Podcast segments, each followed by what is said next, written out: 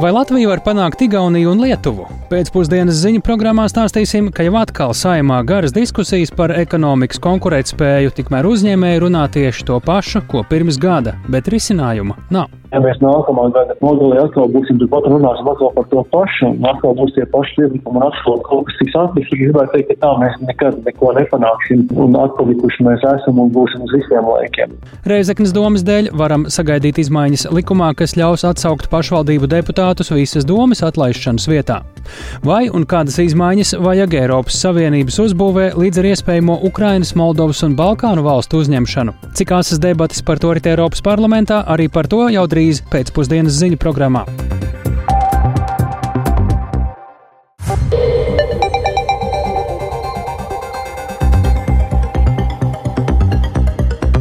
Pūkstens rāda 16,5 minūtes, skan pēcpusdienas ziņu programma, skaidrojot šodienas svarīgus notikumus studijā Tāls Eipurs.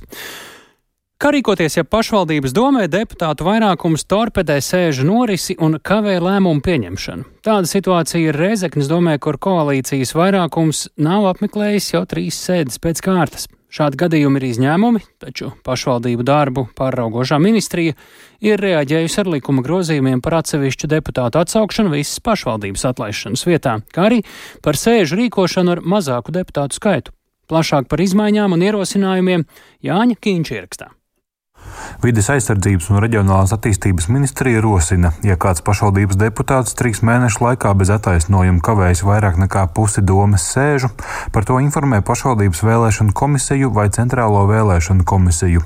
Kādai no tām būtu jālemj par šī deputāta pilnvaru anulēšanu? Saimas valsts pārvaldes un pašvaldības komisijas deputāti piemērotāko risinājumu deputātu mandātu anulēšanai vēl neatrada. Piemēram, Andrēs Ceļapīters šos lēmumus rosina uzticēt ministru kabinetam. Centrālās vēlēšana komisijas vadītāja Kristīna Saulīta argumentē, ka vietējās vēlēšana komisijas darbojas pārāk tuvu attiecīgajai vietvarai, tāpēc nebūtu labākais lēmējs par deputātu pilnvaru anulēšanu. Savukārt Centrālā vēlēšana komisija jau pašlaik ir pārāk noslogota. Par pašvaldību vēlēšanu komisijām, tā godīgi sakot, man liekas, mums būtu atlūgumi viens pēc otra. Manuprāt, šis nebūtu arī ētisks risinājums, un gal galā doma ir tā, kas apstiprina pašvaldību vēlēšanu komisijas. Arī tos pats attiecībās Centrālo vēlēšanu komisiju, tad nu, mums patiesi nav kapacitāte, lai tiesātos, jo mēs ļoti labi zinām, ka šī gadījumā būtu tiesvedība tiesvedības šajā jautājumā. Otra likuma grozījuma par pašvaldību darbu paredz rīcību gadījumos, kad domas darbs ir iebuksējis kvoruma trūkuma dēļ, taču lēmumi ir jāpieņem. Piedāvāts šāds regulējums. Ja domas deputātu vairākums jeb kvorums kārtējās sēdēs nav sanācis divas reizes pēc kārtas, trešo domas sēdi var sasaukt vidas aizsardzības un reģionālās attīstības ministrs, un lēmumus var pieņemt viena piekdaļa domas deputātu. Rezeknas domas gadījumā tie būtu 3 no 13 deputātiem. Atbildot uz jautājumu, jautājumu, vai tas nav pārāk niecīgs skaits, vides aizsardzības un reģionālās attīstības ministrijas valsts sekretāra vietniece Ilzoša atbildēja šādi. Mēs izvērtējām vairākus iespējamos variantus, kādos pašvaldības varētu vai nevarētu pieņemt lēmumus, lai rosinātu sēdi vienā gadījumā, kā kārtējo sēdi, un, ja vairāk kārt pēc šīs rosināšanas deputātu nepieciešamais kvorums nav apmeklējis sēdi, tad arī pieņemt šos lēmumus, bet kā izņēmumu gadījumu. Arī šo normu saimnes komisija vēl pārvērtēs nākamajā nedēļā. Šīs dienas debatēs jau izskanēja argumenti, ka runa ir par regulējumu retām ārkārtas situācijām, kad pašvaldības darbs iestrēdzis arī politisku iemeslu dēļ. Tā tas ir arī Rēzeknas domē, kur jau trīs reizes kvoruma dēļ sēdes nav notikušas. Pēc progresīvo frakcijas deputāta Ervina Labanovska teiktā, līdzinējā koalīcija Rēzeknē arī turpmāk atradīs attaisnojošus iemeslus sēžu neapmeklēšanai. Manuprāt, ja mēs runājam par Ezeknu, tad šie grozījumi īsti to situāciju nerisinās. Mums ir risks, ja, ka mēs viena gadījuma pēc paņemam uz visiem nākotnes gadījumiem. Un uh, to situāciju ar vienu pašvaldību risina mazais kvorums un ejam tālāk pie tā. Manuprāt, tas ir svarīgāks. Ar varam ministrijas piedāvātajiem likuma grozījumiem arī iecerēts nenonākt līdz visas Rezeknas domas atlaišanai un ārkārtas vēlēšanu rīkošanai. Uz to cerējis atstādinātais Rezeknas mērs Aleksandrs Bartaševičs. Likuma grozījumus saimnes plenārsēdē ceturtdien skatīs pirmajā lasījumā un lūgs tiem steidzamību. Jaunadēļ pirms galīgā lasījuma vēl lems par piemērotākajiem risinājumiem pašvaldību darba nespējas gadījumos. Jānis Kincis, Latvijas Radio. Tātad šodien lēmts virzīt tālāk grozījums, kas ļautu Centrālajā vēlēšana komisijai anulēt pašvaldības deputātu pilnvaras. Reizeknas domas opozīcijas deputātus tikmēr satrauc tas, ka likuma grozījumi nav gan precīzi, lai mainītu situāciju tieši Reizeknas domē, proti arī turpmāk pozīcijas deputāti varēs neapmeklēt domas sēdes, tikai būs jāatrod kāds attaisnojums, jo likumā nav skaidri saprotams, kas domāts ar vārdiem cits iemesls. Tikmēr jauninājumu, ka varētu ieviest mazo kvorumu, jeb iespēju lēmumus pieņemt pat tikai piekdaļai deputātu, Rēzeknes domas opozīcijas deputāts Juris Guntis Vjakse no partija apvienotā saraksta vērtē pozitīvi. Ja mans pamatojums būtu, esmu komandējumā savā uzņēmumā, vai tas būtu cits attaisnojošs iemesls vai ne? Un es domāju, šādas situācijas varētu būt dažādas un vairākas. Līdz ar to prasītos likumdevējiem skaidrojums detalizētāk, kas ir šie citi gadījumi. Un arī par saslimšanu vai darba nespēju. Nu, kā var būt situācija, ja uz domas sēdi cilvēkam ir darba nespēja, nākamajā dienā viņš iet gājienā un liek ziedus pie pieminekļa vienoti Latvijai, un cits kolēģis tajā pašā laikā piedalās kādā savā vienā no pamatdarbiņiem un vada nodarbības. Nu, vai, nu, manuprāt, ir slims vai nav slims, ir darba nespēja vai nav darba nespēja, bet atkal prasās skaidrojums. Noteikti fakts, ka tāda iespēja ir, pozitīvs, jo vismaz tie tekošie jautājumi, tie ikdienas jautājumi tiks lemti. Manuprāt, budžetu pieņemts ar trījiem deputātu balsīm no 13, manuprāt, īsti pareizi nebūtu. Vai grozījumi ieviesīs korekcijas arī Reizeknē valdošās koalīcijas īstenotajā domas sēžu boikotēšanā? Reizeknas domas priekšsarētāja vietnieks Aleksais Stecis no partijas kopā Latvijai konkrēti atbildi joprojām nesniedz. Tagad uh, šo likuma projektu arī kādreiz arī lasu. Vai jūs redzat, kā tas varētu turpmākās sēdes Reizeknas domē ietekmēt? Nu, arī turpmākā sēde to arī parādīs. Pilnīgi iespējams, ka viņa notiks, bet 29. novembrī to mēs arī redzēsim. Nu, pat, ja mēs ņemam vērā to, kas bija līdz šim, kad domas sēdes piedalījās, cik tur mums bija seši deputāti, manuprāt, jā, seši. Tad attiecīgi arī sešu deputātu sastāvā var izskatīt noteiktos domas lēmumus. Es vienkārši pagaidām no likuma nevaru saprast, kādi tie lēmumu projekti ir izskatāmi ar samazināto formu, vai tur kaut kādi ierobežojumi vai nav. Tātad šobrīd bija pārmaiņas regulējumā, kā turpmāk reaģēt uz situācijām, kad pašvaldību deputāti boikotē savas pašvaldības domas sēžu darbu. Bet kā Latvijai ekonomikā konkurēt un pat panākt Igauniju un Lietuvu. Par to gari un plaši šodien sprieda citā saimnes komisijā. Latvijas darba devēja konfederācijai ir vairāk priekšlikumi, kā situāciju uzlabot. Deputāti domā, ar ko labāk būtu sākt. Bet, kā norāda ekonomikas profesors Gunārs Bērziņš, jēga garajām diskusijām būs vien tad, ja arī budžeta paketē parādīsies konkrēti risinājumi konkurētspējas uzlabošanai. Plašāk par visu Agnijas Lazdiņas ierakstā Nodokļi ir tikai viena no visām daudzajām sadaļām, kas varētu veicināt Latvijas ekonomisko konkurētspēju Baltijā. Tā uzsver Latvijas darba devēja konfederācijas prezidents Andris Bite. Bez darba spēku nodokļu un izmaksu konkurētspējas uzlabošanas viņš nosauc arī darba devēja izmaksu samazināšanu, kas saistītas ar darba nespēju un slimojošo darbinieku aizvietošanu, kā arī līdzdalības veicināšanu nodokļu maksāšanā. Pirmkārt, lai mēs izveidotu sistēmu, kas ir konkurētspējīga, mums vajadzētu vienoties par tiem galvenajiem rādītājiem rādītājiem, ko mēs gribam sasniegt. Cik mēs gribam eksportēt procentus no IKP, kāds ir šodien, cik mēs gribam kādā tempā ekonomikai augt, vai mums jāuzstāda, ka mēs gribam sasniegt vidēju Eiropas līmeni. Nezinu, domāju, ka ir izaugsmas un eksporta rādītāji ir galvenie. Ja mēs šo esam vienojušies, tad ir jāizstāda visu resursu sadaļās, teiksim, šīs politikas un praktiskas lietas, kuras ir jāizdara, lai šo konkurētspēju sasniegtu. Tas ir cilvēku resursu, gan iekšējo cilvēku resursu, gan darbspēku nodokļu slogu un ar to saistīto izmaksu konkurētspējas sasniegšanu, gan vispār iekšējo cilvēku resursu izmantošanu. Saimas ilgspējīgas attīstības komisijas priekšsēdētājs Uģis Mitrevits no Nacionālās apvienības norāda, ka Latvijas darba devēju konfederācijas priekšlikumi varētu būt kā pirmie soļi, lai uzsāktu ceļu uz ekonomikas konkurētspēju šie, šīs tās lietas ir tieši tās pašas tēmas, ko mēs jau runājām gadu iepriekš, ejot uz 2024. gadu budžetu. Tie paši priekšlikumi no, no uzņēmēju organizāciju puses ir, nekas tā īpaši sakustējies nav.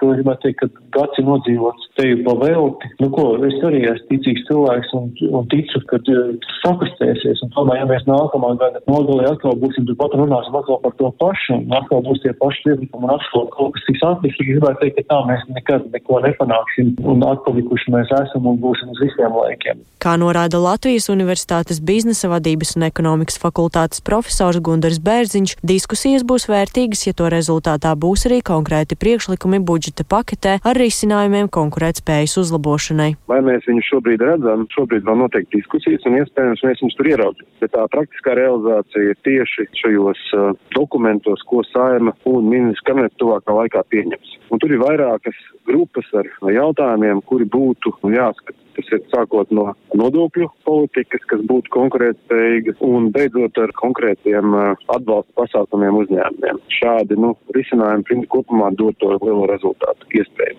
Bērziņš arī norāda, ka šobrīd pats galvenais uzdevums ir pāriet no domāšanas par idejām uz reālu darbību, proti īstenojot tos risinājumus, kas jau laika gaitā ir izstrādāti un pārunāti. Agnija Lazdiņa, Latvijas radio.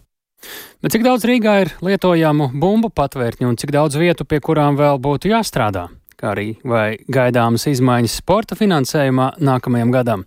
Par to visu un citiem tematiem raidījuma pēcpusdiena turpmākajās minūtēs.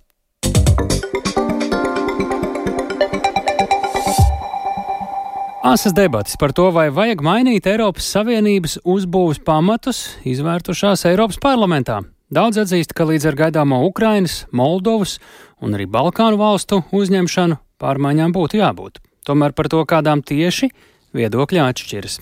Un zinot, ka deputāti šodien ir atbalstījuši savus priekšlikumus pārmaiņām Eiropas Savienības uzbūvē, šobrīd vaicāsim uz Briseles korespondentam Mārķimam Konohovam, kādi tad ir šie priekšlikumi.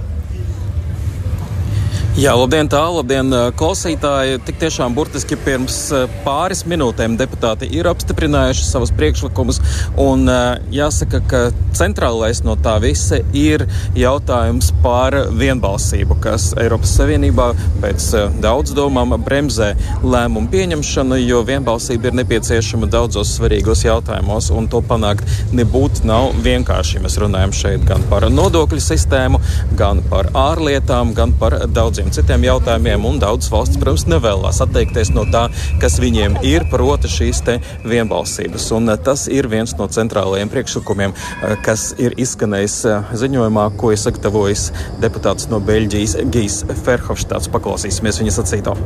And the key problem that we face in our union Galvenā problēma, ar ko mēs saskaramies Eiropas Savienībā, ir, ka mēs pārāk bieži reaģējam pārāk vēlu un nepietiekami. Tas ir tāpēc, ka mēs bieži esam paralizēti, jo mūsu lēmumu pieņemšanai vajag vienbalsību. Šādu gadījumu saraksts ir garš. Piemēram, jau vairākus mēnešus mēs nevaram vienoties par 12. sankciju kārtu pret Krieviju against Russia. Un, un, protams, ir arī citi piemēri, kā jau es minēju, ne tikai ārlietas, bet arī naudas jautājumos, nodokļu reformas, e, jebkas, kas ir saistīts ar budžetu. Visi šie jautājumi tur ir vajadzīga vienprātība, un to risināt nebūtu nav vienkārši. Tāpat deputāti vēlas redzēt, protams, arī lielāks pilnvars sev, Eiropas parlamentam, un e, viņi ir izstrādājuši dažādas idejas, kā varētu palielināt Eiropas parlamenta lomu, tostarp e, lēmumu pieņemšanā, lai viņiem būtu iniciatīvas tiesības, kas ir valstu parlamentiem parasti, bet eh, Eiropas parlamentam nav iniciatīvas tiesības jautājumos par likumiem un eh, arī vairākus, vairākas citas idejas, kas varētu tādu veicināt vairāk eh, Eiropas federalizāciju. Tā varētu izteikties tāli. Un kādi tad ir galvenie iebildumi pret iespējamām pārmaiņām Eiropas Savienības uzbūvē? Pret šīm pārmaiņām iebilst, protams, eiroskeptiķi un tie spēki, pārsvarā konservatīvie spēki, kuri uzskata, ka Eiropai būtu jāpaliek par valstu savienību un nebūtu jāmēģina arvien vairāk tuvināties. Un eh, tās valstis arī, kas, eh, vai to valstu politiķi, kuri iebilst arī pieņemsim pret dažādām tiesiskuma jomā pieņemtajiem lēmumiem un varbūt kaut kādiem ierobežojumiem. Tad, protams, runāju par Poliju, kas ir viens no uzskatāmiem piemēriem, bet arī daudz ungāru politiķi ir izteikušies kritiski. Viņi saka, ka tas viss ir atrauc no realitātes, ka tas viss nav vajadzīgs un ka tas viss arī, protams, nekad nenotiks, jo valstis, valstīm vajag vienprātību, lai atteiktos no vienprātības. Un te būtu, protams, diezgan sarežģīti arī šo panākt. Paklausīsimies Igaunijas eiroskeptiķa Jāka Madisona teikto.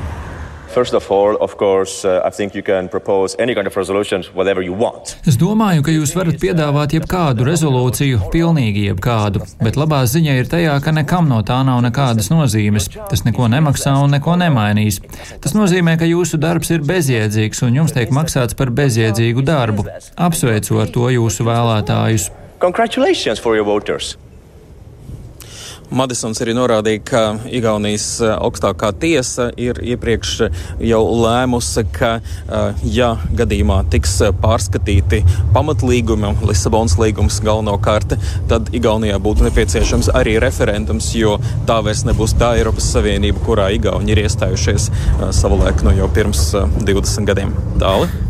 Jā, Arčam, vēl pirms jautājuma, kas tad ar to visu notiek tālāk, es gribētu saprast, nu, šeit bija deputāti un politiķi uzskati, ko par to, vai ir saprotams, ko par to domā arī nu, atsevišķi dalība valstis, vai ir kādas pozīcijas parādās, kurām kādi risinājumi par Eiropas pamatu pārbūvi būtu pieņemamāki vai nepieņemamāki. Jā, tā tiešām viedokļi lielā mērā ir iezīmēti. Daudzi saka, ka tiešām Eiropas Savienība ir jāreformē, jo pievienojoties lielākam valstu skaitam, lēmumu pieņemšana varētu būt patiešām apgrūtināta. Eh, tā ir jāpadara ātrāk, bet nav skaidrs un viedokļi tiešām atšķirās par to, kā lai to izdara. Un, eh, pieņemsim, par to ir bijusi diskusija jau Granadā, kad bija sanākuši Eiropas Savienības valstu līderi, un tur Latvijas premjera Eveka Siliņa no jaunās vienotības ir teikusi, ka viņas prāt, piemēram, būtu tomēr jāskatās maksimāli, ko var izdarīt esošo līguma ietvaros, un tikai, ja nu galīgi nesanāk savādāk, tad jāķerās pie šī tiešām sarežģītā procesa ar līguma grozījumiem. Ja runājam par Poliju, tad tur gan esošie pašlaik pie varas politiķi, gan arī Donalda Tuska vadītie spēki, kas varētu nākt pie varas vēlāk, visticamāk arī viņi visi saka, ka šie piedāvātie risinājumi nav tie, kas būtu vajadzīgi Eiropas Savienībai. Arī viņi iebilst pret šiem soļiem federalizācijas virzienā, ko ir atbalstījis vairākums ar Eiropas parlamenta deputātiem. Tā kā tie tiešām viedokļi dalās, ir skaidrs, ka kaut kas ir jādara, bet nav vienprātības mm. par to, ko tad īsti. Tad tālākie soļi, kurā brīdī varētu būt skaidrāki un cik reāli, ka kāds no šiem priekšlikumiem kaut kādā brīdī tiešām iegūst reālu virzību? Šobrīd mēs zinām, ka Eiropas komisija strādā pie tā, ka viņi skatās katrā nozarē, kas jau ir izdarīts un ko varētu mainīt, lai lēmumu pieņemšanu pātrinātu. Un šis būs jau skaidrs līdz vasarai. Un tad jau pēc vasaras varētu sākties jau tālākas diskusijas par to, kādā virzienā un vai tiešām tiks sasaukts konvents, kurā varētu runāt par līguma grozījumiem, vai arī tomēr tas vēl notiks kaut kad vēlāk. Bet nu, visticamāk, ka tas būs tāds vairāku gadu process varbūt līdz 30. gadam, varbūt pat ilgāks. Paldies! Mēs sakām Mārķam Konovam stāstot par to, ka šobrīd arvien asāk tiek diskutēts par pārmaiņām Eiropas Savienības uzbūves pamatos. Bet Nīderlandes pilsoņi šodien dodas pie, pie savu parlamentu vēlēšanu urnām, un galvenais jautājums ir, kurš pēc 150 deputātu izraudzīšanās kļūs par jauno premjerministru, jo līdzšinējais valdības vadītājs Marks Rutte nolēms aiziet no politikas. Tiesa, Rutem amatā var nākties palikt vēl vairākus mēnešus, jo tiek prognozēta ilgstoša jaunās valdības veidošana. Vairāk stāsta Ulris Ķēzberis. Nīderlandes parlamenta apakšnama pārstāvju palātas vēlēšanām vajadzēja notikt 2025. gadā, taču nācās izsludināt pirmstermiņa vēlēšanas pēc tam, kad jūlijā par demisiju paziņoja 13 gadus valdījušais premjers Marks Rutte no konservatīvās tautas partijas brīvībai un demokrātijai. Rūtis atkāpšanās iemesls bija valdošās koalīcijas partiju domstarpības par viņa piedāvāto plānu patvēruma meklētāju skaita ierobežošanai. Arī priekšvēlēšanu kampaņā imigrācija bija viens no centrālajiem jautājumiem. Ar to cieši saistīts ir akūtais mājokļu trūkums Nīderlandē, kur pēc pētnieku aplēsēm trūkst gandrīz 400 tūkstoši mitekļu. Tāpat daudz tika diskutēts par veselības aprūpes sistēmas problēmām, arvien pieaugušo ienākumu nevienlīdzību, kā arī par cīņu pret klimata pārmaiņām. Pēdējās aptaujas liecināja, ka vēlēšanās par uzvaru varētu cīnīties četri politiskie spēki. Galvenā favorīte ir Tautas partija brīvībai un demokrātijai. Tās premjera amata kandidāte ir Turcijā dzimusī tieslietu ministre Dilana Ješilgeza Zegerijusa, kurai ir iespēja kļūt par Nīderlandes vēsturē pirmo sievieti valdības vadītāju. Ješilgeza Zegerijusa iestājas par stingrāku imigrācijas politiku, neraugoties uz to, ka pati savulaik ieradās Nīderlandē kā patvēruma meklētāja. We see that our laws, our regulations are, uh, words, Mēs redzam, ka mūsu likumi, mūsu noteikumi ir daudz pievilcīgāki nekā blakus esošo valstu likumi un noteikumi, un tas padara mūs pievilcīgākus patvērumu meklētāju acīs. Un tā kā es pati esmu bēgle, es domāju, ka ir ļoti svarīgi nodrošināt drošu vietu īstiem bēgļiem - reģionā, Eiropā un, ja nepieciešams, Nīderlandē. Un politiķi, kuri atsakās pieņemt šos grūtos lēmumus, viņi saka ne tikai īstajiem bēgļiem, bet arī. Nīderlandes sabiedrībai, jūs esat paši par sevi. Daudzus ir pārsteigusi Ješila Gezas Zegerijusas gatavība pēc vēlēšanām strādāt vienā koalīcijā ar galēji labējo brīvības partiju, ko vada eiroskeptiskais un pret musulmaņiem noskaņotais Gērts Vilders. Arī brīvības partijai ir labas iespējas vēlēšanās finišēt pirmajai. Priekšvēlēšanu kampaņas laikā lielu popularitāti iemantoja centriski noskaņotais politiķis Pīters Omdzikts, kurš tikai pirms trim mēnešiem izveidoja savu partiju Jaunais sabiedriskais līgums. Omdzikts iestājas par caurskatāmāku politiku un valsts pārvaldi, taču viņš pats nevēlas uzņemties premjera amatu. Ja Ješilgeza Zegeriusa, Bilders un Omdzikts pārstāv politiskā spektra labējo spārnu, tad kreisā spārna galvenā cerība šajās vēlēšanās ir par Eiropas Savienības zaļā kursa arhitektu dēvētais Frans Timermans, kurš vada zaļo un darba partijas aliansi. Nīderlandes vēlēšanu sistēmas īpatnību dēļ nevienai no partijām nav iespēju iegūt absolūto vairākumu parlamentā apakšpalātā, tāpēc uzreiz pēc vēlēšanām sāksies valdības veidošanas maratons, kas var turpināties mēnešiem. Rutes pēdējās valdības izveidēji bija nepieciešama 271 diena. Uldis Česberis, Latvijas radio.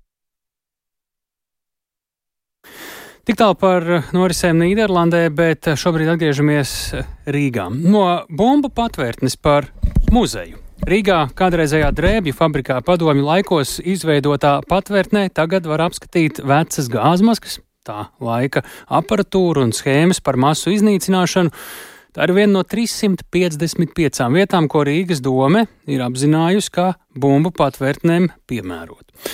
Kādā stāvoklī ir šī vecā patvēruma vieta un vai nepieciešamības gadījumā to varētu izmantot. Vairāk Viktora Demidova reportāžā.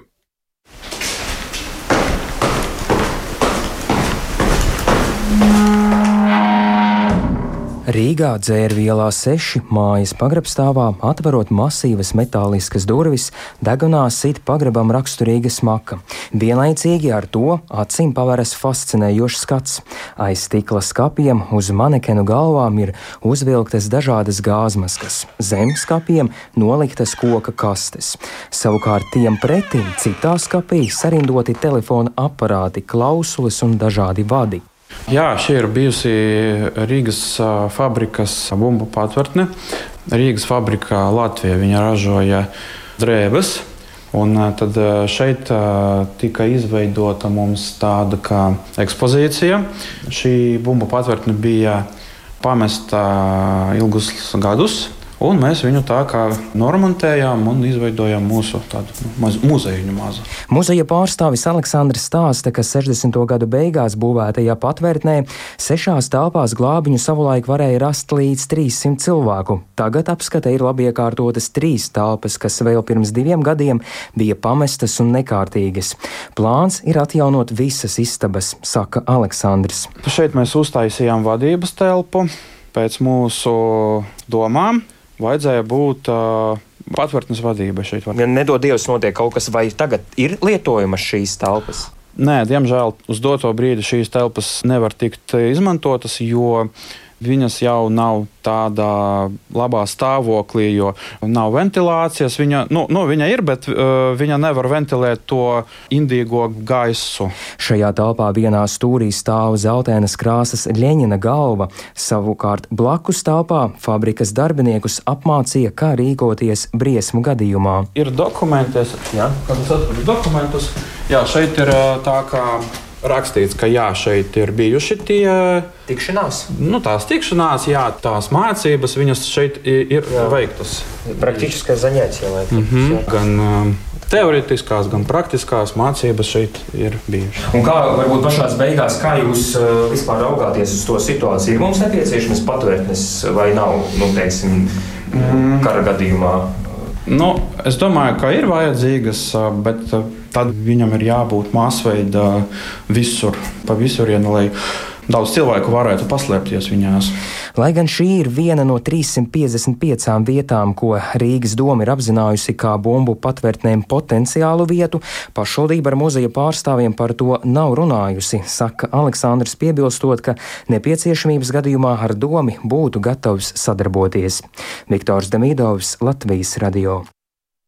Un tieši šodien Rīgas domas atbildīgajā komitejā arī vērtēja situāciju ar bumbu atvērtnēm kopumā, un sēdes norisē līdzi arī ir sākojis kolēģis Viktors eh, Demīdovs.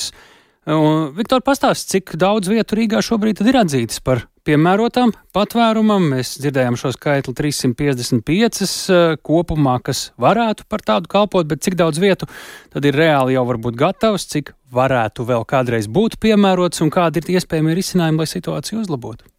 Jā, tā tad eh, šodien Rīgas domas drošības kārtības un korupcijas novēršanas eh, sēdē eh, piedalījās civilās aizsardzības un operatīvās informācijas pārvaldes vadītājs, kurš paziņoja, jā, kā jau tu minēji, 355 vietas ir apzinātas. Tātad, kā viņš teica, dažas ir labā stāvoklī, citas ir, ir potenciāli, kur varētu taisīt un, un, un īstenot, bet citas ir arī sliktā stāvoklī stāvoklī. Nu, zināms, ka no tām 355 uh, vietām 18 ir pašvaldības, uh, pašvaldībai piederošas, teiksim tā, vietas, un pārējās ir privāta personu rokās. Un cik uh, maksās, lai to visu labi iekārtotu, nu, tas nav pagaidām zināms. Šodien deputāti nelēma, tas bija vairāk kā ziņojums. Zināms, ka no, ka pašlaik līdz novembra gandrīz vai nogalēji ir apsakotas 22 patvērtnes, un labā stāvoklī ir tikai dažas kurās varētu um, cilvēki paglāpties, bet uh, tik un, nu, kā teica uh, minētās pāraudes vadītājs Gins Reinsons, tad šobrīd ir tikai, nu, reāli vienam, diviem procentiem no Rīgas iedzīvotājiem ir tā iespēja paglāpties nepieciešamības gadījumā, un šis skaitlis ir ļoti, ļoti mazs. Protams, un kā to vispār varētu risināt, tad, nu, viens no variantiem Rīgā būtu nepieciešams izveidot atbalsta programmu, programmu pazemes telpu labiekārtošanai un pārva, pārveidei par patversmēm. Un uh, Reinsons arī uzskata, ka ar šādas programmas palīdzību tad varētu pielāgot patvērumam daudz dzīvokļu māju pagrabus un līdzīgas telpas. Uh, turklāt arī pašvaldību patvērumu telpas varētu ierīkot uh, nu, tai piederošās ēkās, kurās atrodas nu, kādas iestādes, piemēram, viņu kādi departamenti, cit, citas nodaļas, kādas, piemēram, biedrības varbūt, kas sadarbojas ar pašvaldību nu, paredzot iespējas arī tādā veidā apdraudējuma gadījumā patvērties darbiniekiem, iestādes apmeklētājiem, arī tuvējo māju iedzīvotājiem. Un Jā, kā jau minēju, tās izmaksas nu, visdrīzāk būs mērāmas daudzos miljonos eiro. Eh, bet eh, konkrēti tagad eh, plāna lūk īstenot tādā un tādā vietā mm, veikt remontu tagad nav. Jā, viena no vietām, kā jau pašā um, reportāžā dzirdējām, ir tā dzērvu iela numur 6 Maskavas Forštatē, bet tā ir privātpersonu rokās. Un tad jau nu, tādas vietas ir, kā jau mēs saprotam, nu, pašvaldībā Rīgā ir ļoti daudz, vairāki nu, simti tad sanāk pat uh, tādu vietu. Un uh, galvenais tagad ir izcinājums, kā virzīties uz priekšu, un uh, tam ir jābūt arī uh, kustībai no valsts puses, un, un, un tad, tad attiecīgi, kad tas, uh, kad virziens būs no valsts, tad arī pašvaldība varēs to īstenot. Tu tur saproti, arī ir stāsts par būvnormatīviem, kur valsts arī nav šobrīd pateikusi, kādām tad ir jābūt šīm bumbu patvērtnēm, un pašvaldības līdz ar to pat gribot ieviest kaut ko tādu, šobrīd nevar uh, legāli to arī noformēt nekādā veidā.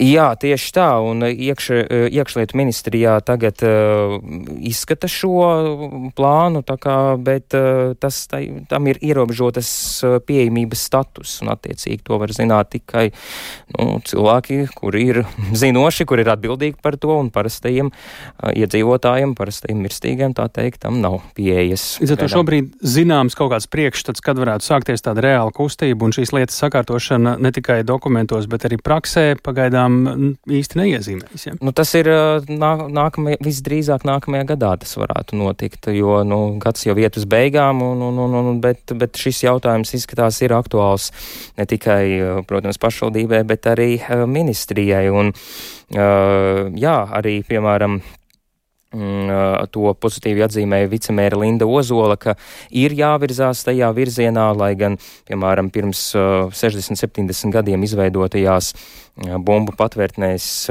tagad viņas, vēl, vēl pirms desmit gadiem viņas nebija tik, tik aktuāls, nu, bet Nu, Tagad jau situācija ir mainījusies. Situācija Paldies. ir mainījusies. Paldies Viktoram Damidovam par jaunāko apkopojumu situācijā ar bumbu patvērtnēm šobrīd galvaspilsētā, bet skaļu reakciju citā pašvaldībā Valmieras novadā pirms valsts svētkiem izraisīja ziņas sauc tīklos, ka likvidēs desmit kultūras iestādes novada pagastos.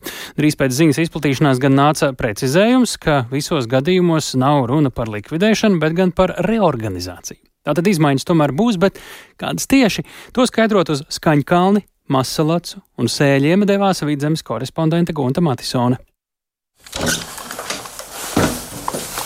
Durvis ir vaļā un pēc piektā. Pirmais apmeklētājs šorīt. Vispirms dodos uz Kaņķelnes pagastu biblioteku. Tā iekārtot kolhoz laika daudz dzīvokļu mājas pirmā stāva dzīvoklī. Es teiktu, ka publiskajai kultūras iestādē mazliet gaitenis neatbilst daudz dzīvokļu mājā kopīgajai nu, tādai kultūras ainai. Bibliotēkā tiekos ar Valmijas bibliotekas vadītāju Daigu Rokpelnu, jo viņas pārziņā ir arī mazās lauku bibliotekas.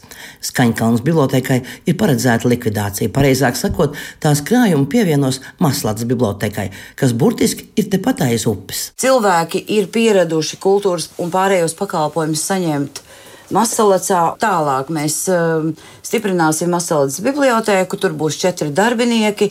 Mēs šajā gadījumā vienkārši pārvietojam fondu un darbinieka darba vietu uz Masalacas bibliotēku. Otra novada biblioteka, kas piedzīvos reorganizāciju un pievienošanu Naukšēna bibliotekai, ir ķoņos. Šis solis spērts, jo ēku vairs nevar izmantot kultūras iestādes funkcijām. Ķoņu ēka absolūti neatbilst kultūras pakalpojumu sniegšanas vietai. Bibliotēkā grāmatām nav pieņemams mikroklimats, kādā grāmatas tiek turēts. Un visbeidzot, nevis visbeidzot, bet jāsāk ar to, ka darbiniekam tādās telpās strādāt ir nepieņemami. Naukšēna bibliotēkā turpmāk būs divi darbinieki, un šie darbinieki apkalpos gan Naukšēna, gan ķoņu pagastu iedzīvotājus. Pārējās novada mazās bibliotekās, kas ir 31 Valmijas bibliotekas filiāli, pārmaiņas nebūs. Toties pārmaiņas skars vairāk vairākus lauku kultūras, jeb tautas namus, pareizāk sakot, to nosaukumus.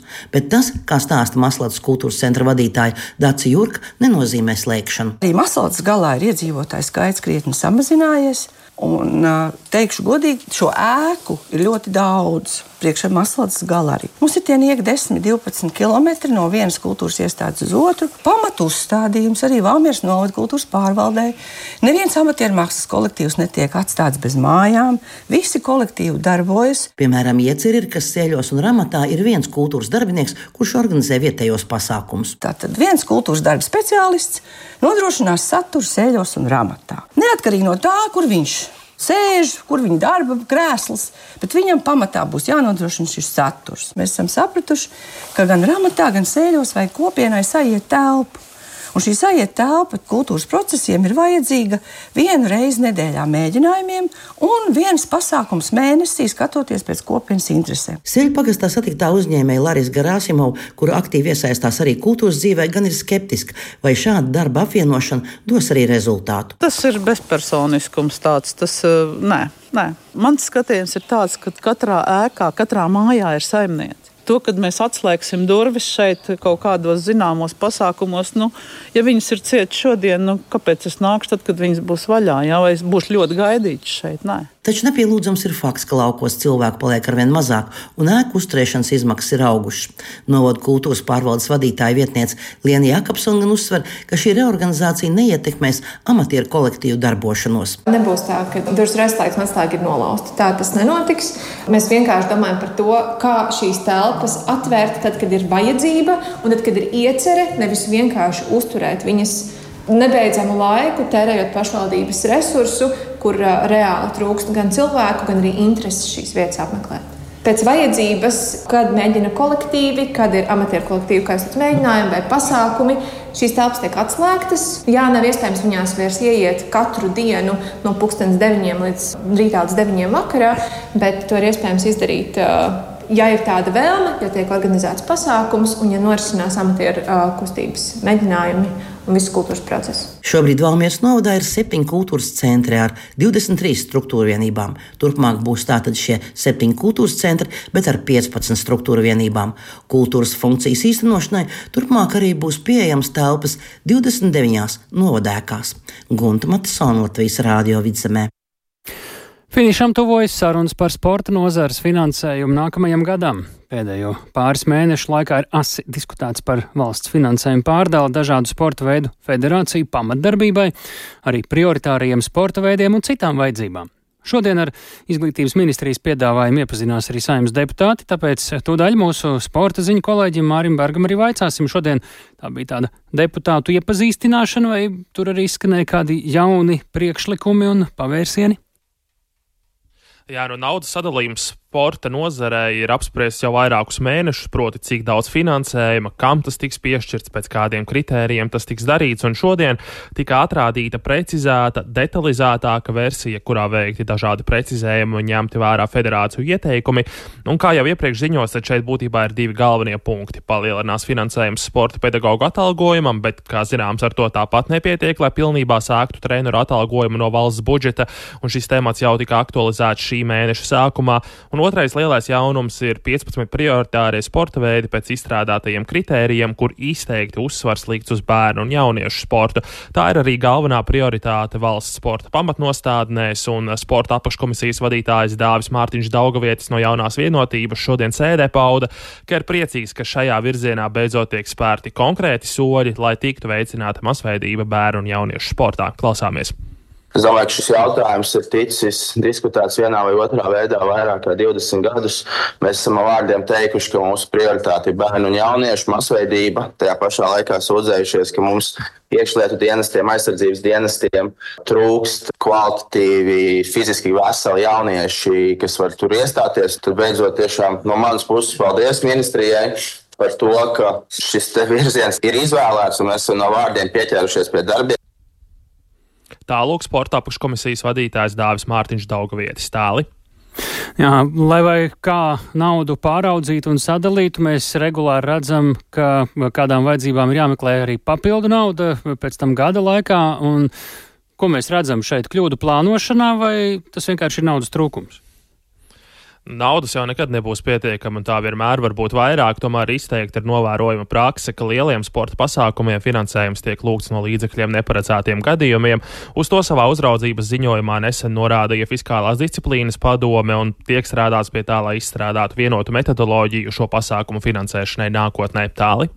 Nu, un tieši viens tāds gadījums, kam varbūt vajadzēs to papildus naudu, um, proti, kā ar Olimpiskajām spēlēm, jo Zviedrija, ja tā iegūs tiesības rīkot 2030. Gada Ziemas Olimpiskās spēles eh, ar Latviju kā partneriem Renes sportā. Kā tur izskatās ar naudas piešķiršanu? Jā, nu šajā gadījumā procesi pagaidām vēl ir visai agrīnā stadijā, proti ir veikts oficiāls pieteikums un tagad ir jāsāk strādāt pie konkrētām lietām, ko nepieciešams izdarīt un cik tas reāli maksās. Premjerministre Evika Siliņa no jaunās vienotības šodien norādīja, ka primāri būs jāvērtē potenciālais ekonomiskais iegums valstī no spēļu rīkošanas, pirms tad pieņem galīgo lēmumu par Latvijas iesaisti šajā projektā. Runājot par kandidēšanu 2030. gada Ziemas Olimpiskajām spēlēm, par tuvākajiem darbiem Latvijā stāsta Olimpiskajām Olimpiskās komitejas ģenerālsekretārs Kārs Lēnieks. Mūsu pusē mums turpinās sarunas uh, jau konkrētāk trīspusējas. Latvija, Zviedrija un uh, trases īpašnieks. Jā, ir daļēji iesaistījusies, bet nu, tagad konkrētāk, lai mēs dabūtu ārā to, ko es šobrīd nevaru pateikt, kas ir spekulācija, kādas ir potenciālās investīcijas trasē. Tālūk Kārs Lēnieks par neatliekamajiem darbiem, runājot par Latvijas iesaisti Zviedrijas pieteikumā 2030. gada Ziemas Olimpiskajām spēlēm. Šo spēļu rīkotāji tiks nosaukti pāris dienas pirms Parīzes Olimpisko spēļu sākuma, kad risināsies Starptautiskās Olimpiskās komitejas ikgadējā sesija. Tā notiks no 22. līdz 24. jūlijam. Tāli. Nu, un tad arī varēs sākt reāli jau skatīties, kā ar naudu šim nolūkam no Latvijas valsts budžeta un no kura gada nākamā, vai varbūt aiznākamā, vai kā citādi. Paldies! Mēs sakām Mārim Bergam, tik tālu par naudu sportam, bet šis bija ziņu raidījums pēcpusdienu. To veidoja Tāls Eipurs, Lauris Zvejnieks. Renārs Šteimanis, Ernests Valsts Fjodoro, Valds Fjodorovs un arī, ja vēlties pārraidi noklausīties vēlreiz, droši tveriet pēc Latvijas radio mobilās lietotnes, tur raidījums jums ērtā laikā pieejams jebkurā brīdī. Meklējiet dienas ziņas, mēs tiekamies rīt pēc ziņām 16.5.